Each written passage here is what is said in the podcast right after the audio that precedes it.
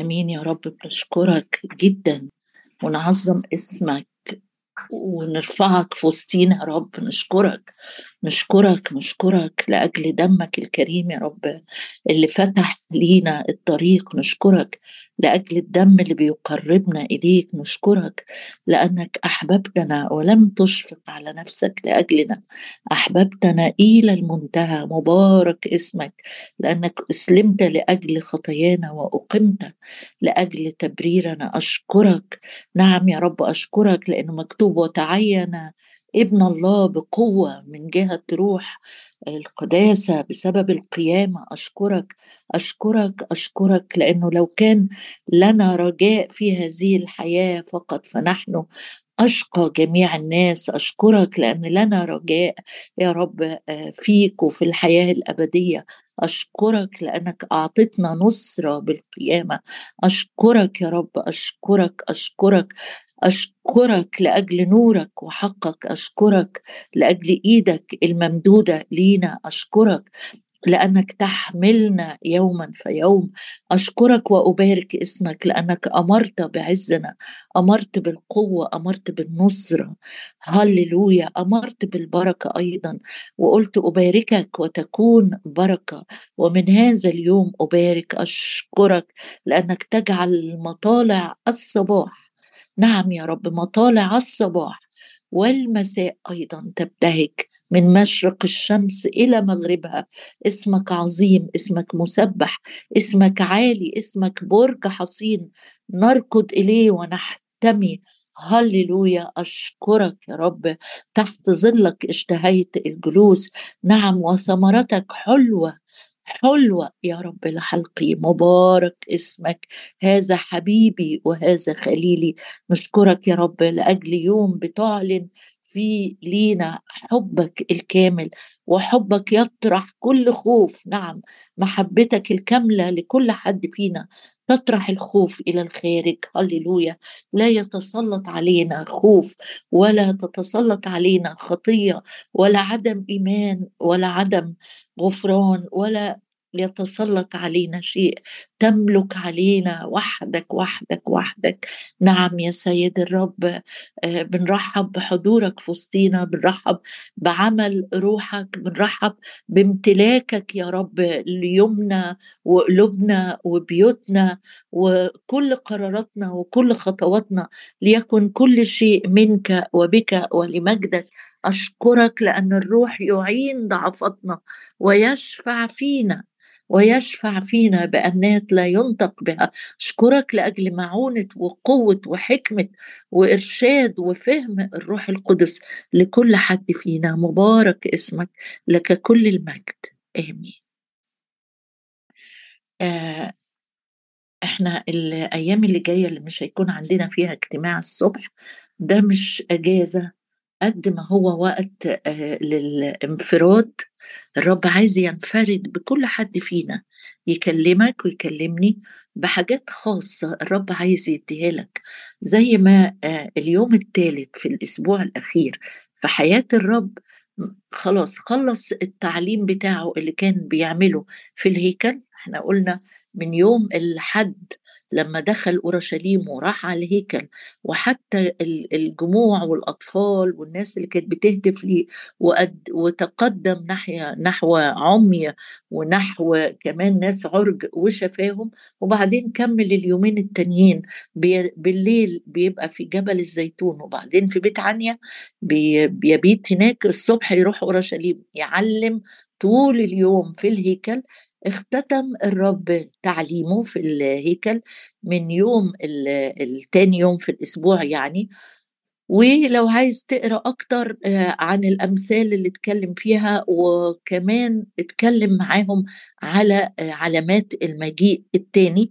واختتم الرب حديثه آه، هشوف الختام بتاع حديثه من إنجيل مرقس. نقرأ بس كده ختام الحديث عشان تشوف الرب وصى التلاميذ بتوعه إيه. بعد ما سألوا عن الهيكل وإيه اللي هيحصل فيه. كانوا منبهرين اليهود قوي بحجارة الهيكل والأبنية الشاهقة الجميلة اللي في أورشليم. اختتم حديثه في إنجيل مرقس أصحاح 14 الجزء الأخير آه وقال لهم حاجة مهمة. قال لهم بعد ما اتكلم عن العلامات المجيء الثاني آه قال في عدد 35 من أصحاح 13 مرقس 13 عدد 35 قال لهم اسهروا إذا اسهروا إذا لأنكم لا تعلمون متى يأتي رب البيت أمساء أم نصف الليل أم صياح الديك أم صباحا كأنه بيقول لهم على توقيتات مختلفة الرب ممكن يجي فيها في مجيئه الثاني لئلا يأتي بغتة فيجدكم نيام. وما أقول لكم أقول للجميع اسهروا. كأن الرب عايز يختم الحديث اللي, اللي اتكلم فيه حاجات كتيرة جدا. عن أمثال الملكوت والمجيء الثاني وعلاماته و و قال لهم أهم شيء إنك أنت تكون سهران منتبه يقظ مش بتأجل سواء توبة أو عمل الرب يكلفك بيه لامتداد الملكوت ما تأجلش. لكن ما أقوله لكم ده للتلاميذ لأنه كان بيخاطب ال 12 قال لهم اسهروا. يبقى ختام الحديث كان الرب بيقول يا جماعة لازم نكون كلنا منتبهين يقظين لأن ما نعرفش الرب هيجي إمتى. مجيئه التاني مش بيسبقه أو اختطاف الكنيسة مش بيسبقه علامات الرب هيجي يختطف الكنيسة. ومهم جدا إن إحنا نكون يقظين. اليوم الثالث ده في الأسبوع الأخير الرب عمل حاجة غريبة شوية. إيه اللي عملته يا رب؟ قال أنا عايز أنفرد بجلسة هادية مع التلاميذ عشان يكلمهم عن الأحداث الجسيمة اللي جاية في خلال ساعات. تقول لي جبت منين الكلام ده؟ أقول لك نطلع مع بعض إنجيل متى وأصحاح 26 نشوف إيه إيه اللي أنا آه عايزين نفهمه مع بعض في اليوم الثالث ده. آه عدد واحد. ولما أكمل يسوع هذه الأقوال لما كمل الكلام وزي ما إحنا عارفين آه الأناجيل الثلاثة متى ومرقس ولوقا اتكتبوا قبل إنجيل يوحنا زمنيا يعني.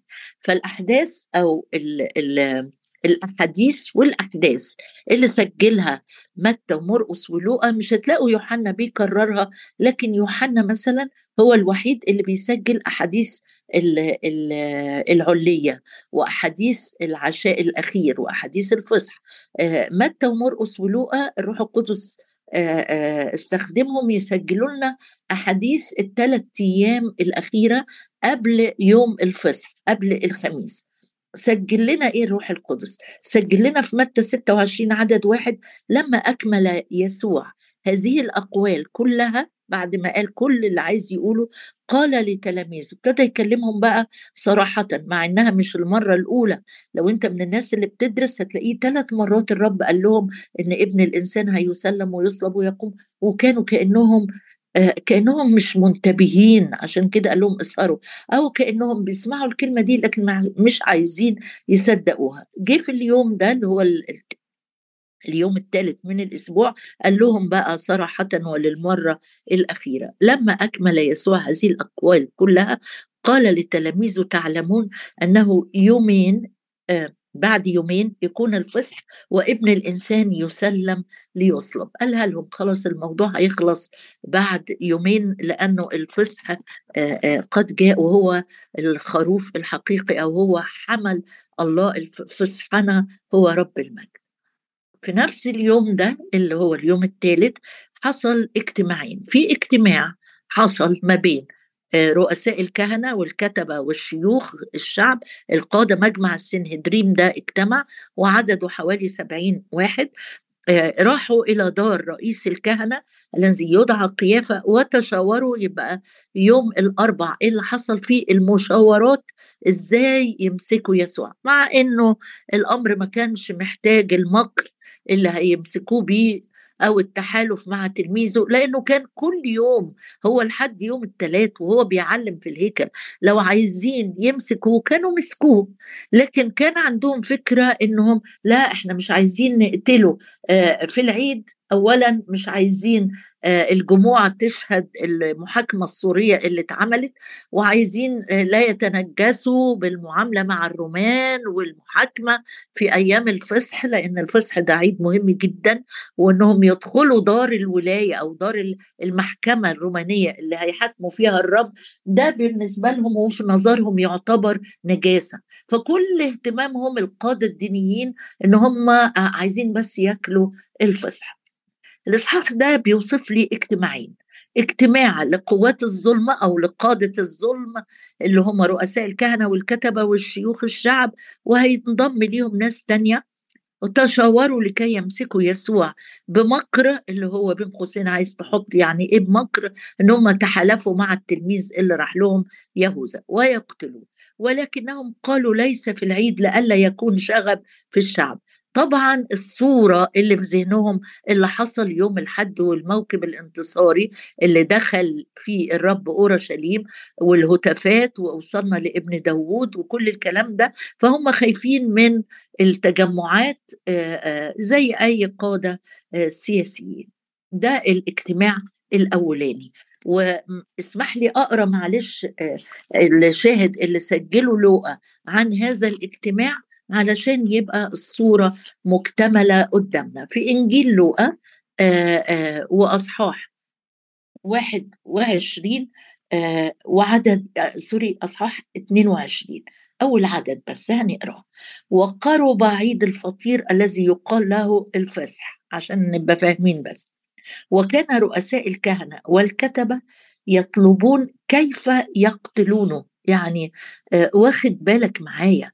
إنه الأمر صادر من عندهم ده مش هيحاكموه على غلطة عملها ولا كلمة. واخدين قرار نهائي حكم نهائي كيف يقتلونه؟ لأنهم خافوا الشعب. قادة دينيين مملوئين بالخوف من رد فعل الشعب. الاجتماع الثاني بقى قبل ما أقرأ عنه عايزة أقول لك إن في أحداث الأسبوع الأخير في شخصيات نسائية لفتت نظر الرب تشجع كل واحدة فينا.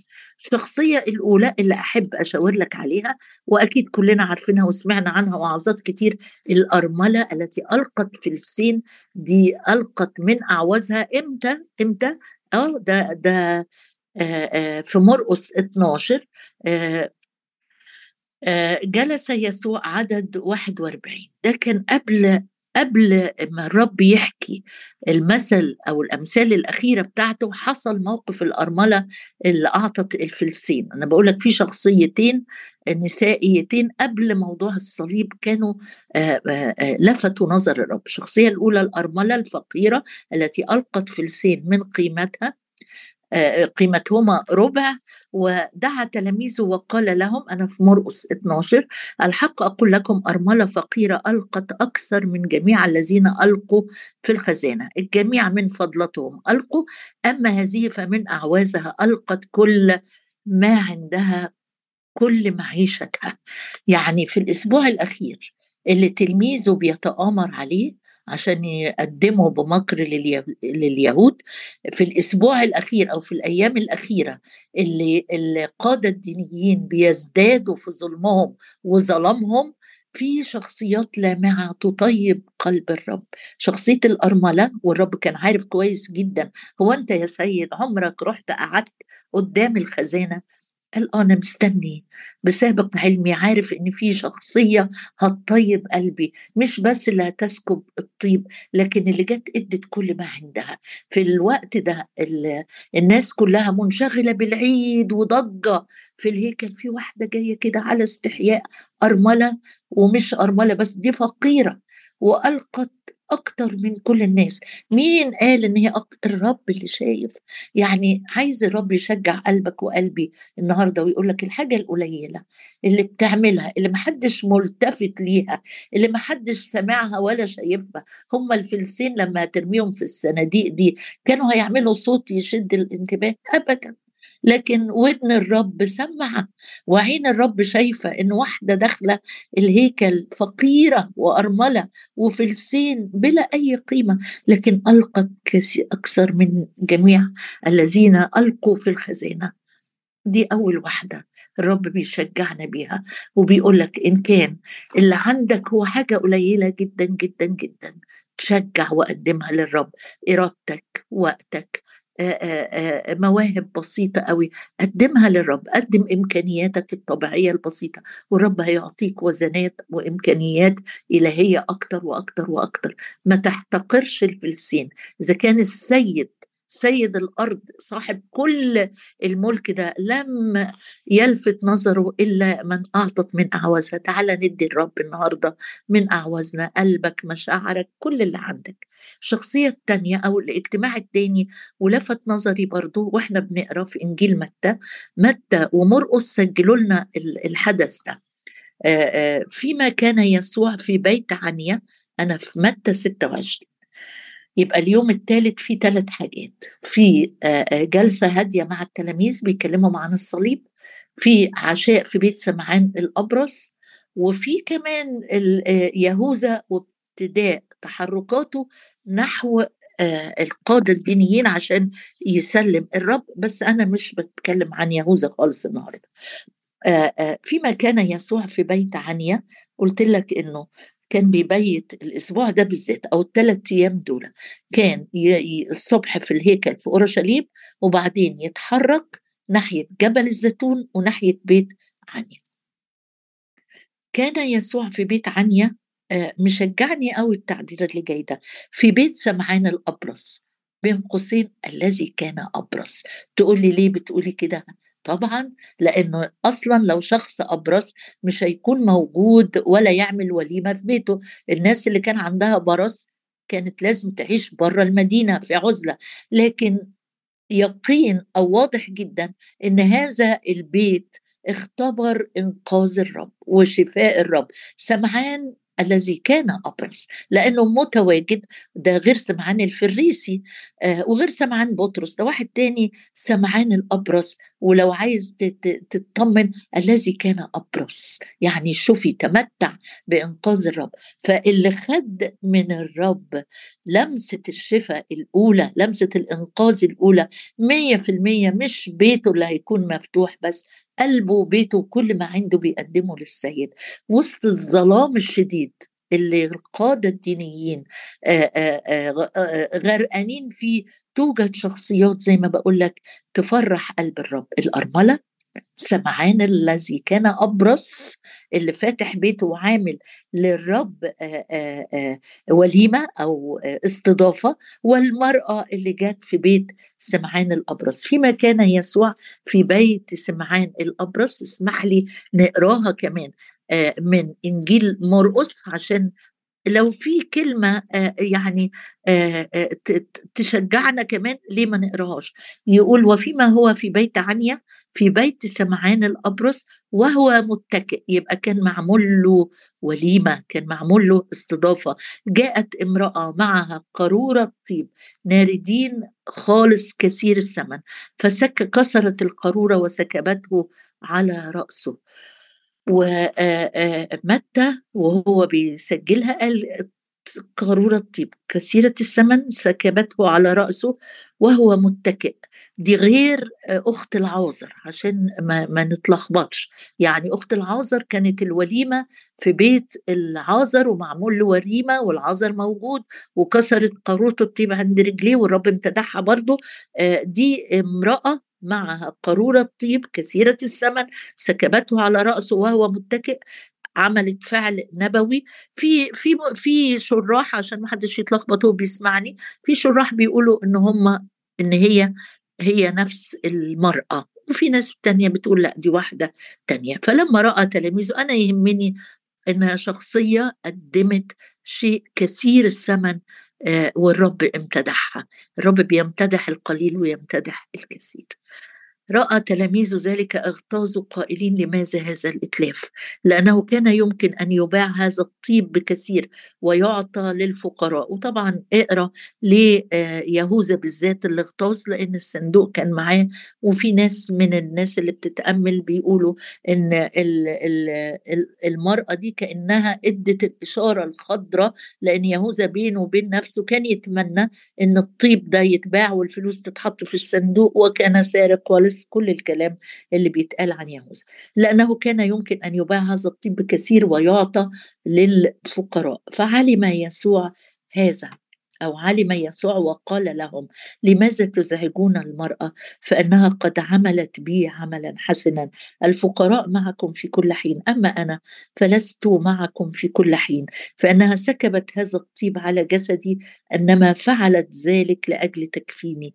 الحق أقول لكم حيثما يكرز بهذا الإنجيل في كل العالم يخبر أيضا بما فعلته هذه تذكارا لها. حينئذ أهو جت الكلمة. حينئذ ذهب واحد من الاثنى عشر الذي يدعى يعني ده ده كأنها العلامة اللي قومت يهوذا على طول. في انت مبسوط إن في اتلاف للفلوس؟ لا أنا رايح بقى أقبض من اليهود ثمنك. وقال ماذا تريدون أن تعطوني وأنا أسلمه لكم؟ ابتدى يتشاور معهم. فجعلوا له ثلاثين من الفضة. ومن ومنذ ذلك الوقت كان يطلب فرصة ليسلموا. الرسالة اللي الرب عايز يوجهنا ليها النهاردة. الرب موجود قدامك موجود في بيتك موجود آه، في مخدعك. لكن النهاردة آه، لما الرب يوجه لي نفس السؤال ببساطة شديدة ويقول لك آه انت إيه اللي, إيه اللي, اللي انت عايز تقدمه لي النهارده؟ قال بالنسبة للمرأة دي قال عملت بي عملا حسنا. عملت بي عملا حسنا. انت إيه اللي تقدمه للرب؟ عملت بي عملت بي. اهدى كده قبل ما نرنم ولا نصلي واسأل نفسك أني واحد من الأربع شخصيات اللي الرب بيشاور عليهم النهاردة؟ المرأة اللي جابت كل اللي عندها من أعوازها اللي انتصرت على مخاوفها انتصرت على العيان إن هي هترجع من الهيكل. ما عندهاش أعطت كل معيشتها ما عندهاش ولا حاجة. عندها ثقة إن الرب هيعتني بيها. لن تجوع ولن تعطش. لأن هي أدت الرب اللي هو صاحب الكون كله. أكيد الرب أكيد الرب يكافئ عملها. دي أول شخصية في اليوم الهادي مع الرب. الشخصية التانية. هل أنا سمعان الأبرص اللي أخدت من الرب إبراء ولسه مكمل؟ عايز الرب عايز أكتر من الرب. عايز الرب يبقى في بيتي. عايز الرب يبقى حاضر في وليمة عندي بيقضي وقت أطول في في بيتي. هل أنا محتاج أدعي الرب في بيتي؟ هل أنا مريم؟ مش مريم المرأة. اللي جابت قارورة الطيب وهو متكئ وسكبته على رأسه وعملت عمل نبوي سبقت بيه سبقت بيه المريمات والرب قال دي فعلت هذا عملت عملا حسنا بي أو أنا الشخص الرابع اللي بتكلم كلام مش مش صادق فيه لماذا هذا الإتلاف؟ هل أنا زي التلاميذ مع الدوشة كده بنساق لأي رأي ربما يكون يهوذا؟ هو اللي بدأ الكلام وقال ليه خسارة والبقية التلاميذ اغتاظوا ولا أنا ولا أنا الشخص اللي عايز يقدم أكتر وأكتر وأكتر؟ الرب مش محتاج عطايانا مش محتاج أكيد لكن الرب لما بيطلب ماذا يطلبه منك؟ الرب إلهك. ده سؤال جه في سفر ميخا يبقى ارجع للآية. إيه اللي الرب بيطلبه منك النهارده؟ يا ابني أعطني قلبك. يا ابني أعطني قلبك. ماذا يطلب منك الرب إلهك؟ الرب لما بيطلب مني هقرأ معاك الشاهد ده ونصلي بيه على طول. في ميخا أصحاح ستة ماذا يطلبه منك الرب؟ عشان ما تحترش وتقول يا ترى يا رب أنت عايز مني إيه النهاردة؟ ثلاث حاجات الرب قالهم في سفر ميخا أصحاح ستة. ماذا يطلبه منك؟ خدها بصفة شخصية. ماذا يطلبه منك الرب؟ إلا أن هو ده اللي أنت اللي, الرب مستنيه منك. نمرة واحد تصنع الحق. كلامه هو حق. عايز عايز تجاوب الرب إيه اللي تعمله؟ اعرف الحق واصنع الحق. تاني حاجة تحب الرحمة. يمكن بتبص الناس وتقول دي ما تستاهلش رحمة. لكن الرب بيقول لك مش بس تصنع الرحمة لكن تحب الرحمة. تبقى مبسوط إنك بتصنع رحمة. مبسوط إنك تكون مثل سيدك. ترحم. ترحم ترحم ترحم. وتستر كسرة من الخطايا. تصنع الحق نمرة واحد. ثلاث أفعال. تحب الرحمة تسلك متواضعا مع إلهك. السلوك باتضاع مع إلهي مش معناها أن أنا أقول لا أنا ما استاهلش لا أنا مش هخدم لا أنا وحش لا لا لا لا. ده اتضاع مزيف. الاتضاع الحقيقي إنك تكون عارف إن ليك مكانة في المسيح يسوع ليك امتيازات واخدينها بالنعمة آجي قدام الرب وأقول له أنا بدونك لا أستطيع أن أفعل شيء. لكن تكفيني يا سيد إنك أعطتني أعطتني إني أكون فيك خليقة جديدة قديس في المسيح يسوع بلا لوم قدامك. أعرف امتيازك أعرف الغنى اللي ليك في المسيح يسوع وتسلك في المكانة الجديدة. عالم إن لك كل غنى المسيح. أبويا السماوي أشكرك وأعظم اسمك وأرفعك لأجل كل الغنى اللي لينا. مكتوب كل شيء لكم أي شيء لم تأخذوه. اعطتنا كل شيء بغنى لنتمتع بحضورك لنتمتع بغناك. شكرا لأجل الروح القدس اللي بيرشدنا إلى كل الحق. شكرا يا رب لأن كل ما تطلبه منا أن نصنع الحق. وأشكرك لأجل روح الحق. روح المشورة والفهم. أشكرك يا رب لأنك إله رحيم مكتوب عنك كده رحيم في سائر أعمالك وتحب الرحمة أنت أبو الرحمة. أشكرك يا رب لأنك بتعطينا وبتغنينا بمراحمك الجديدة علينا في كل صباح. أعطنا يا ابا الآب أن نحب الرحمة أن نحب الرحمة أن نكون رحماء. أشكرك يا رب لأنك تعلمنا وترشدنا الطريق لكي نسلك باتضاع أمامك. جايين يا رب عايزين الجلسة الهادية دي معاك النهاردة. زي ما أعلنت يا رب مشيئتك وفكرك لخاصتك تعلن لكل واحد فينا اليوم ماذا تريد منا أن نفعل؟ في اسم المسيح يسوع.